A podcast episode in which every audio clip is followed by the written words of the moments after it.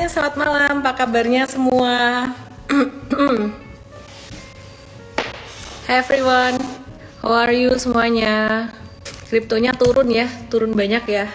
Terus hari ini akhirnya IHSG mulai tertahan ya. Jadi setelah tiga hari hijau berturut-turut, hari ini udah mulai uh, keluar satu candle candle apa ya uh, spinning tops di atas gitu. Jadi udah mulai agak slow down.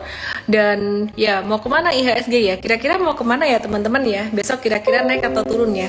Halo Ari Purnomo halo Bu Diana Natali Juanda Cuan Wis Cuan terus. Teresia KS Wahyu Prasetyo gimana kabar portfoliomu hari ini? Hari ini kamu lagi cuan atau lagi lost atau lagi bingung Terus kamu hari ini ada beli jual saham apa? Kok belum ada gambarnya? Masa sih ada kok.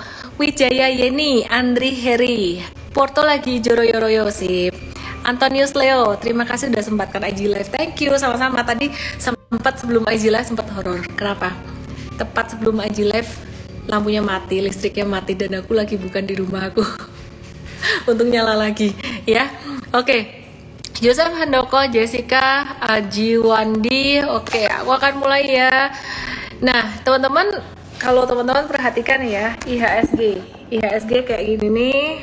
Jadi, IHSG ini dia lagi nguji level tertinggi sepanjang masanya dia. Uh, resistennya di level 6700-an udah sorry.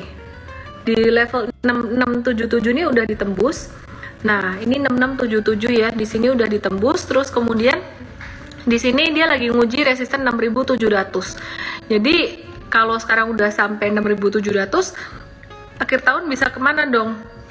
Perkiraan saya sih bisa sekitaran 6900. Mungkin ada yang bilang 7000 gas kan ya. Semoga aja bisa sampai 7000. Rasanya sih setelah sideways yang cukup lumayan uh, nanti Desember bisa sih menguat lagi ya. Nah, jadi what to expect dalam beberapa hari ke depan dengan IHSG yang udah naik tinggi dan di sini mulai keluar candle merahnya dikit uh, dia bisa turun.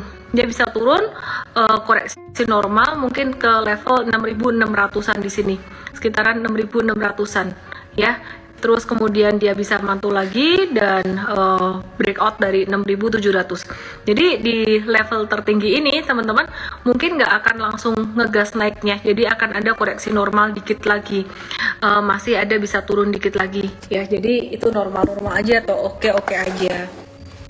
WSKT gimana? Kemarin saya habis Instagram live bareng dengan WSKT. Tadi juga habis uh, ada Zoom webinar berah emiten WSKT dengan Mtrade ya dengan coach-coach Mtrade gitu. Udin Mahudin, Miss kasih tips biar Porto cepat tumbuh yang modalnya cuma 10 jutaan gampang. Top up terus.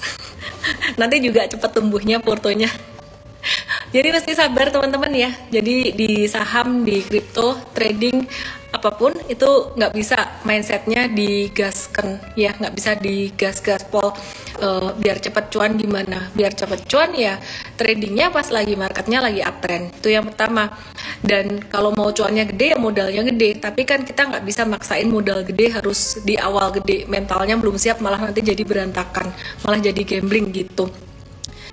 Irwan Iwan Chandra 52090 Sido to the moon kita lihat ya Sido gimana sih?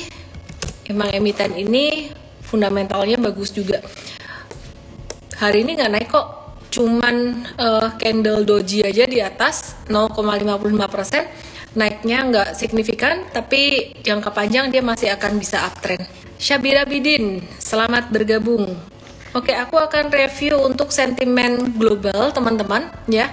Aku akan review buat sentimen globalnya Abis rilis data inflasi, uh, goldnya naik ya. Jadi inflasi Amerika ini naik kencang banget, 6,2 persen year on year, dan ini merupakan tertinggi dalam 30 tahun terakhir gitu. Jadi uh, dengan naiknya inflasi ini kita juga akan lihat untuk tenaga kerjanya gimana, jobless claimnya gimana. Kalau jobless claimnya semakin membaik, maka ada kemungkinan the Fed akan menaikkan suku bunga gitu. Dan ini juga yang dikhawatirkan oleh investor dan trader saham.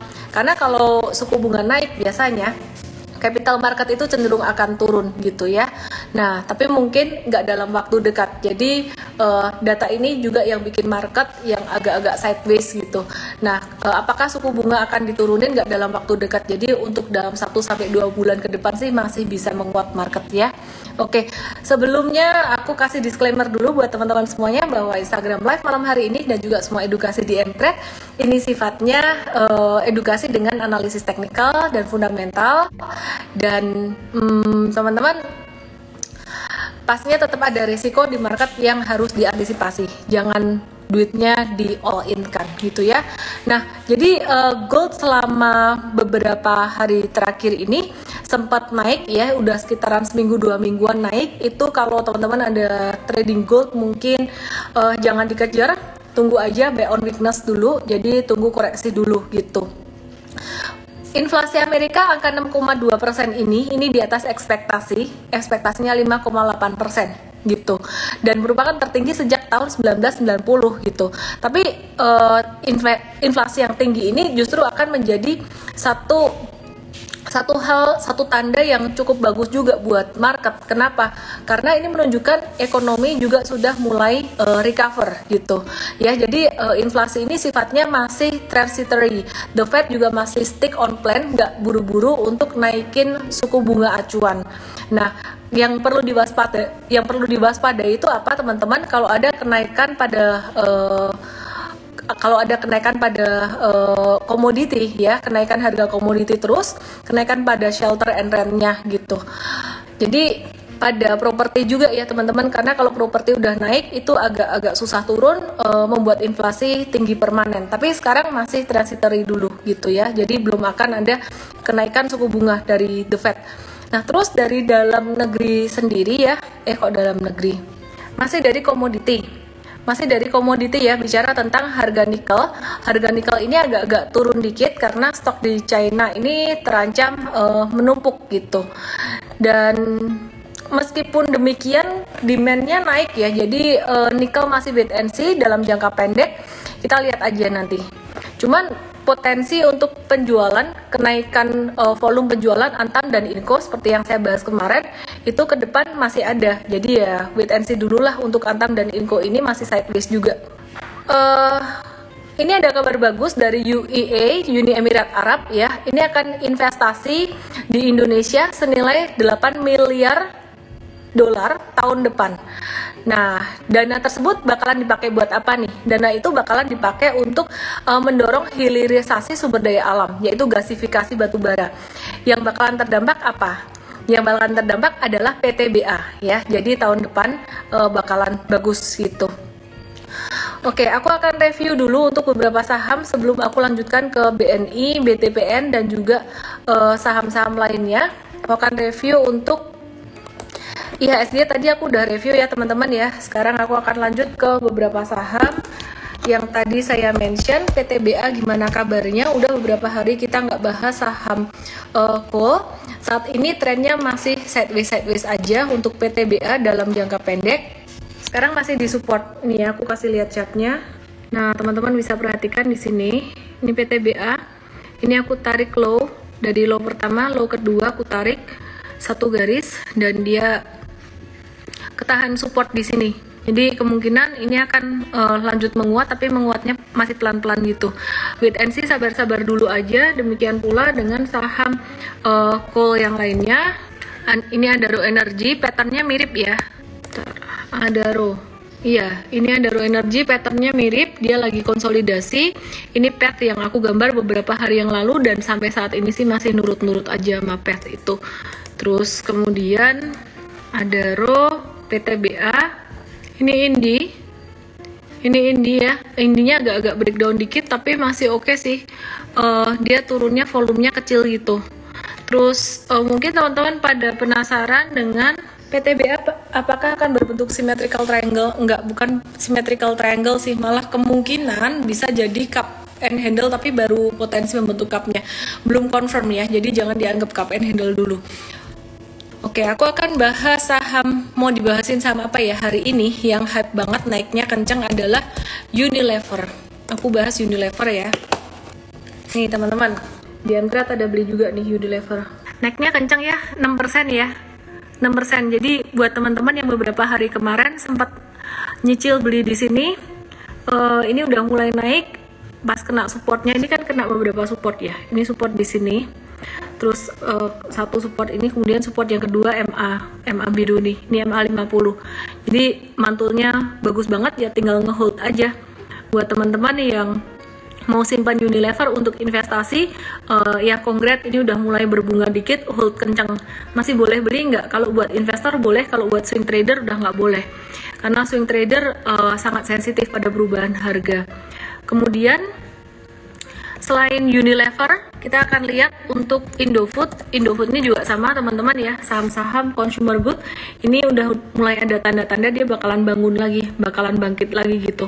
Jadi ya uh, buat teman-teman yang belum dapat buat investasi ya uh, masuk aja nggak apa-apa misal window dressing ada saham yang turun nggak? Yang turun yang udah naik kenceng. Which sekarang banyak saham-saham lagi istirahat rasanya besok kalau Desember naiknya bareng-bareng deh. Ini jarang ada yang sampai naiknya kenceng banget. Uh, sekitar tiga pekan terakhir itu udah pada slow down semua, udah mulai istirahat gitu. Terus pengara.penta Unilever pas merah kayak nyesel beli banyak kan pas hijau kenceng nyesel kenapa pas merah nggak nambah muatan hahaha lucu banget selalu kayak gitu supaya kamu nggak nyesel uh, Unilever udah naik terus kayak belinya kurang banyak. Ini masih ada sih di Indofood dan juga ICBP Indofood dan ICBP ini juga masih murah. Kalau mau investasi masih murah masih bisa naik. Ini ada rumah Malikul nanya uh, eh, HMSP jadi masih view aku masih sama untuk saham-saham consumer good kayak HMSP, GGRM, Indofood, ICBP dan juga Unilever belum berubah. Uh, valuasinya masih murah dan kalau teman-teman mau beli buat investasi jangka panjang sekarang masih bisa meskipun tadi naik kencang tuh sekarang masih bisa. Cuman kalau tradernya swing trader udah agak telat ya. Di HMSP tadi juga naik naik naik naik berapa persen ya? 3,5 persen.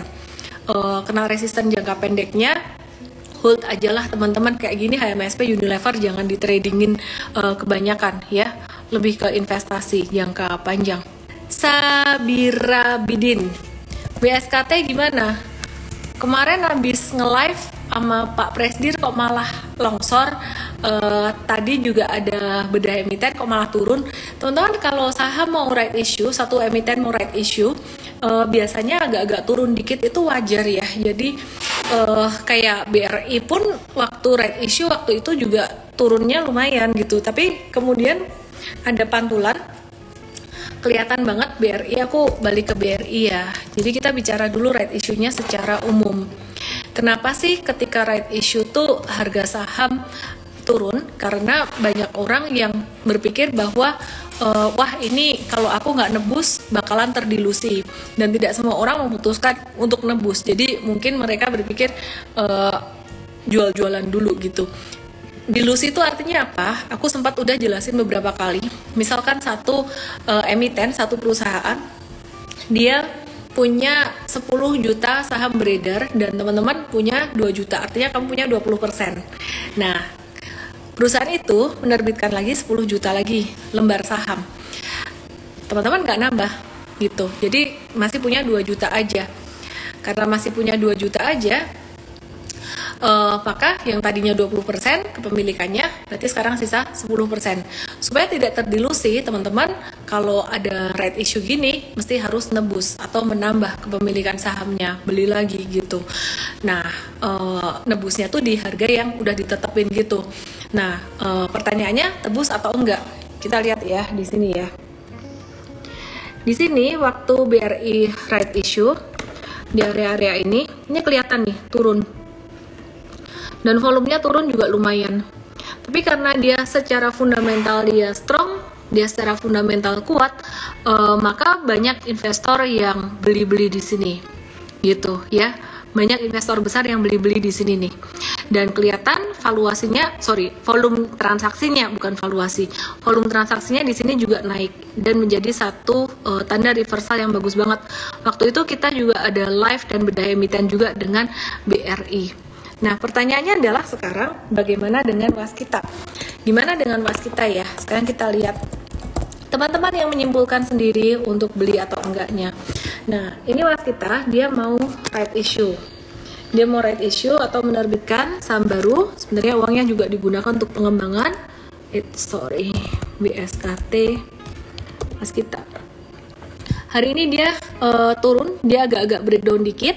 Nah kalau ini untuk trader untuk trader teman-teman yang trading uh, besok kalau masih berada di posisi seperti ini ini uh, boleh melakukan pembatasan resiko jangka pendek untuk trading. Nah pertanyaannya adalah uh, nanti right issue beli atau enggak tergantung. Kalau teman-teman mau investasi ya silahkan dibeli. Tapi kalau enggak misalkan buat trading aja pertanyaannya uh, beli atau enggak gitu. Kalau secara teknikal beli di market uh, normal. Misalkan teknikalnya bagus kayak BRI tadi ngelihat wah ada V-shape recovery volumenya bagus boleh beli. Boleh beli di market normal. Uh, pertanyaannya untuk trader tebus right issue-nya atau enggak biasa sih trader nggak tebus right issue tapi kalau memang pertimbangannya wah cakep banget nih secara teknikal aku mau tebus juga nggak apa-apa nanti aku jual pas uh, pas dia naik ya terserah. Jadi kesimpulannya kalau aku pribadi saya pribadi sih saya akan terus mengawal teknikalnya gitu sampai nanti tanggal uh, deket-deket right issue itu. Kalau deket right issue teknikalnya bagus cakep ya dibeli aja. Kalau enggak nggak usah Kang Dian, malam Ci, kalau championship di satu sekuritas ini bisa mengganggu Windrest nggak? Secara saham gorengan semua yang manggung, nggak, nggak, nggak ngaruh. Uh, duit retail gede, memang saat ini retail pengaruh retail di Indonesia tuh investor retail tuh gede. Tapi retail tuh bergerak masing-masing ya, bergerak masing-masing. Trading, investasi, beli jualnya tuh masing-masing gitu loh. Nah, sedangkan kalau investor uh, institusi itu mereka kompak. Jadi memang yang dilihat berdasarkan uh, fundamentalnya, berapa banyak uh, yang dibeli, kapan beli, kapan jualnya itu semuanya terstruktur ya. Jadi mereka juga fokus pada perusahaan besar yang fundamentalnya bagus. Nggak usah khawatir dengan saham-saham uh, second liner yang akan mengganggu pergerakan saham blue chip. Nggak nggak mungkin. Oke sekarang kita lihat uh, ngomong-ngomong tentang saham blue chip BCA ya. BCA udah deket banget dengan resistennya 7800 be very careful ini jangka pendek akan ada koreksi normal. Bakalan koreksi normal sampai ke berapa sih? Mungkin sekitaran 7500an untuk BBCA terus kemudian kemudian selain BBCA kalau kita lihat BNI BNI ini juga uh, agak-agak sideways beberapa hari ini, tapi masih arahnya masih akan naik teman-teman. Oke, kita akan bahas saham yang lain. HMSP GGRM, komoditas. Komoditasnya harum. Stephen Pongo, kalau ada trading plan mesti nggak nyesel-nyesel. Yang penting tahu alasan pengambilan keputusannya. Harum, harum, harum. Nih aku kasih lihat harum ya. Ini juga sama sih ini mirip kayak PTBA juga. Ini Harum dia udah breakout dari pola uh, apa namanya falling wedge-nya. Pola falling wedge. Dan ini koreksi normal rapi banget teknikalnya. Ini naik ini turun kena di sini kena di uh, bekas resisten yang merah. Sekarang jadi support. Ya path-nya bakalan kira-kira kayak gini. Jadi yang punya harum di harga bawah hold aja dulu. Jangka menengah tuh hold aja dulu. Positive vibes vibes. Unilever beli sebelum pandemi 8000 turun terus pas pandemi cut loss di 4000 menangis. Kalau mau buyback sekarang belum telat buat investasi jangka panjang. Frankie Byte nggak pernah absen ikut IG Live. Uh, DM saya MT7 nama email WhatsApp ya. Dapat MT 7 hari nanti bisa belajarin seminar-seminarnya. Dari pekan lalu uh, dua pekan yang lalu dan besok juga masih free. Oke okay. Coba dong tulis pertanyaan yang selain pertanyaan saham dong teman-teman supaya uh, bisa jadi bahan edukasi juga buat teman-teman yang lainnya. Yang menarik teman-teman, ada sentimen menarik sebelum aku jawab pertanyaan-pertanyaan dari teman-teman ya. Kalau bisa pertanyaannya jangan cuma sebut kode saham, biar kita juga uh, bisa bahas lebih detail gitu. BNI, kabar dari BNI saat ini uh, lagi ngegandeng JDID untuk merilis kartu kredit buat belanja online gitu ya. Jadi kolaborasinya semakin bagus. Sekarang lagi modelnya kolaborasi, lagi eranya kolaborasi ya, memperluas ekosistem. Um, dengan kerjasama dengan JDID ini harapannya penggunaan kartu kredit BNI untuk belanja bisa naik 4,3% secara year on year gitu ya. Oke, terus BTPN BTPN masih dari perbankan ya BTPN ini bakalan uh, mengembangkan platform digital juga jadi semua go digital dengan uh, pengembangannya ini dia khusus untuk small medium enterprise business gitu. Nah, dengan pengembangan SME ini ya, jadi pengembangan uh, platform digital untuk small medium enterprise business ini diharapkan bisa uh, menargetkan dia menargetkan porsi pembiayaannya tuh bisa menyumbang sepertiga dari total portfolio perseroan gitu. Jadi sekarang uh, masih sekitar 10% porsinya, terus korporasi masih mendominasi sekitar 50% dan retail masih 40%. Jadi diharapkan bisa meningkat ya untuk porsi pembiayaan uh, small medium enterprise ini. Cara nebus RI gimana? Hubungin sekuritas masing-masing. Terus ini ada yang nanya BBKP tebus BBKP kalau udah kepala nyangkut. Nggak kayak gitu sih. Memutuskan membeli saham menebus saham atau enggak. Uh, pada saat trade issue itu dengan melihat satu fundamental perusahaan menarik atau enggak. Kalau fundamentalnya nggak menarik minimal teknikalnya menarik gitu. Tapi yang benar lebih ke arah fundamentalnya gitu ya. BBKP itu udah aku bahas beberapa hari kemarin harusnya udah cut loss ya teman-teman bocoran saham untuk besok di morning briefing aja ya. Marketnya lagi sideways karena uh, eh, WSKT RI Wika berpengaruh turun nggak lebih ke WSKT-nya daripada uh, Wika-nya gitu. Habis ini kota ya dibahas kenapa kota? Banyak sekali. Nggak nggak banyak banget sih tapi ada beberapa tadi nanya kota. Uh, downtrend aja dia. Ini posisi rugi nyangkut atau gimana? Cepat-cepat keluar deh karena kalau udah posisi gini dia turun terus dan volume transaksinya semakin kecil semakin kering takutnya ntar malah nggak bisa jualan. Kalau nggak ditebus angus kuponmu iya emang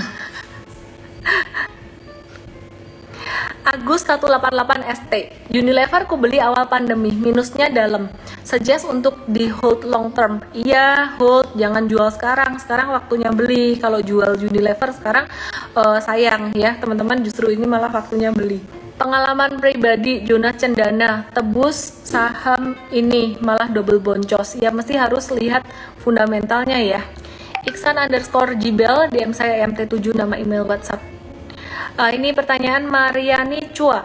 Biasanya setelah breakout suatu saham pullback kita bisa masuk di Fibo berapa ya? Nggak harus pakai Fibonacci kadang kita bisa belinya pakai uh, kalau pas dia koreksi ke area support uh, tergantung dia kalau breakoutnya dari sideways panjang baru aja breakout kita pakai garis horizontal tapi kalau dia breakoutnya kencang banget kencang banget nggak ada remnya kayak BBNI kapan hari itu kita pakaiin Fibonacci nunggunya di Fibonacci 38 50 atau 618 Oke, okay, thank you Mariani Chua buat pertanyaannya bagus. Nah, pertanyaan-pertanyaan kayak gini nih yang aku suka nih. DM saya MT7 nama email WhatsApp ya Mariani ya. Jadi biar bisa kasih insight buat teman-teman yang lain juga nih. Bahas yang lagi on weakness biar serok-serok banyak. Aku ngomong on weakness tiap hari, valuasinya on weakness pun aku sebut nanti teman-teman bosen. Ya aku udah mention ICBP, Indofood, Unilever tuh udah dari berhari-hari kemarin. HMSP, GGRM juga pas dia lagi masih sideways di bawah. Saya nggak tahu seberapa banyak di antara anda yang ikutan beli atau enggak gitu. Terus ya kalau masih ada duit sih.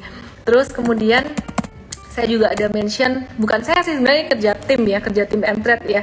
Kita ada mention untuk saham BSDE kita suka BSDE untuk properti dan hari ini dia naik dia confirm membentuk uh, satu higher low gitu ya. Jadi bagus masih bisa di hold. Sukik Krisnata target Mtrade untuk Unilever berapa? Saham Unilever sampai akhir Desember. Akhir Desember ya? Hmm, November mungkin ya ini uh, disclaimer juga kalau meleset-meleset dikit ya jangan dimarahin gitu. Namanya kita ngitung pakai technical.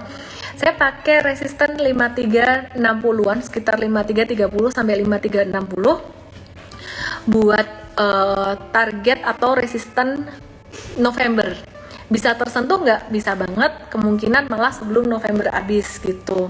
Terus kalau untuk Desember perkiraan saya bisa sampai ke 6000 mungkin bisa lebih saya nggak tahu juga ya bagi kaosnya kaosnya cuma buat tim sementara harum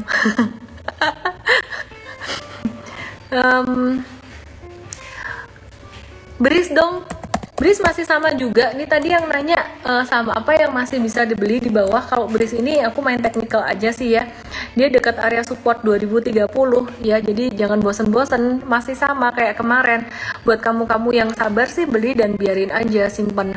Ini di level yang menurut aku sih low risk, deket banget dengan supportnya gitu. Ah ini bagus nih pertanyaannya nih.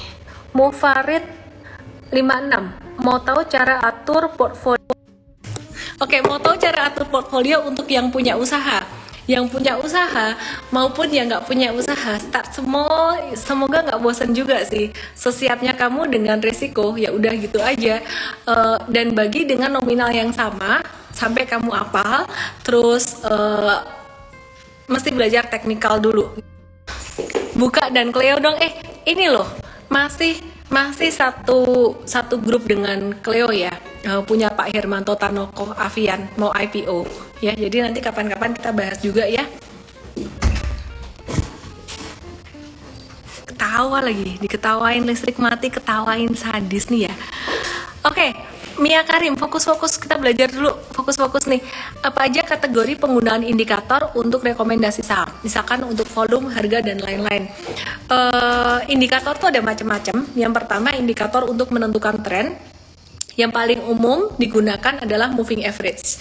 Kemudian yang kedua uh, indikator untuk menentukan volatilitas ya untuk menentukan volatilitas yang ketiga adalah indikator untuk menentukan uh, kekuatan tren gitu. Jadi ada macam-macam.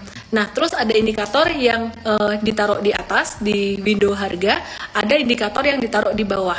Ditaruh di bawah itu uh, osilator namanya gitu. Jadi teman-teman kalau aku sendiri sih teman-teman yang ngikutin M-Trade mungkin tahu kita nggak banyak pakai indikator yang kita pakai cuma moving average sebagai indikator penentu tren kemudian kita pakai volume dua itu yang paling utama terus toolsnya kadang kita pakai Fibonacci. Nah untuk swing tradingnya kita lebih banyak menggunakan pembacaan uh, pembacaan candle. Dulu waktu aku pertama jadi trader pemula aku tuh silau waktu pertama jadi trader pemula aku tuh banyak banget pakai indikator macam-macam tapi seiring dengan berjalannya waktu setelah uh, seiring berjalannya ber, berjalannya waktu setelah aku banyak trading trading trading justru malah makin dikit indikator yang aku pakai dan sekarang uh, analisis teknikal yang aku pakai itu benar-benar simpel banget cuman analisis candle dan analisis analisis high and low nah analisis high and low ini wah akhirnya nyala Oke, dimatiin dulu ininya flashlightnya. Tadi pakai flashlight silau. Jadi kembali lagi ya, analisis high and low itu aku jelasin di seminar analisis teknikal dua pekan yang lalu buat member uh, user VIP Mtrade itu bisa lihat ya bisa ngelihat di di di di uh, Mtrade ya di menu education seminar. Nah analisis high and low ini yang penting banget kita pakai.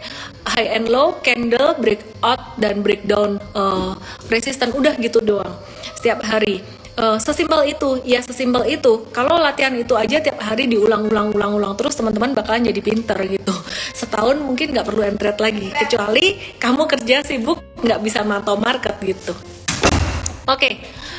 uh, eh, saya baru punya tiga buku mis urutan bacanya yang mana?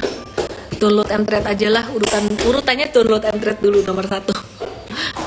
Hmm. ini Anggun Gun mau nanya seberapa besar pengaruh tapering di bulan November ini? Sebaiknya kita lebih ke request atau gimana? Aduh kalau tapering mah udah udah lewat uh, dampaknya dari FOMC meeting kemarin itu uh, ya udah lewat lah ya. Jadi nggak nggak yang sampai turun banget kan ya. Justru malah market itu saham udah turun dulu sebelum tapering karena udah discounted atau anticipated gitu. Kemudian pas um, berita tapering itu keluar marketnya malah naik ya malah gap up. Kenapa? Karena semuanya udah anticipated. Nah yang nanya tapering tadi siapa? Namanya uh, belum bayar listrik Porto ke Cangkol enak aja nih ini, ini villa orang nih. Nggak tahu siapa aku sewa villa di suatu tempat yang dingin. Lagi escape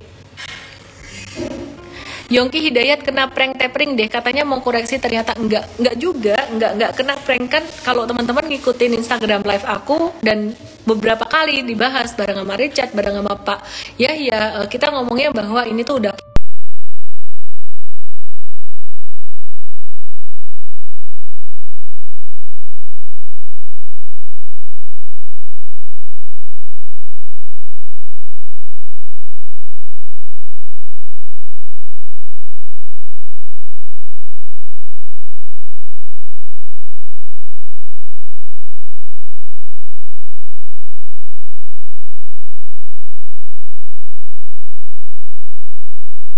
turun volume turun. Kalau patternnya kayak gitu itu artinya akumulasi.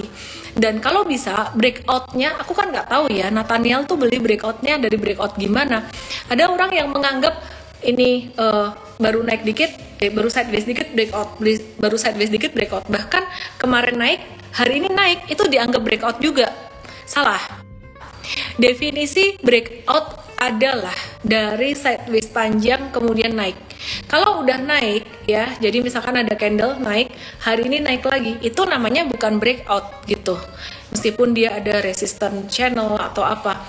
Jadi kalau buat aku sendiri sih definisi breakout tuh harus dari sideways panjang. Semakin panjang sidewaysnya, breakoutnya semakin bagus. Miss tetap live walaupun mati lampu. Oh iya, terus aku mau ngapain? Kak lebih baik trading di blue chip atau gold chip? Hah? Emang ada ya gold chip? Lihat teknikalnya, patternnya, bentuknya gimana. enak bottom fishing. Bottom fishing tuh sebenarnya kemarin enak tuh. Aku uh, sempat mention beberapa kali di saham-saham uh, consumer good sih. Consumer good yang udah jatuh dalam-dalam gitu. Cuman hari ini udah naik. Ya anyway buat trader jangan masuk lagi. Mtrade sih udah masuk duluan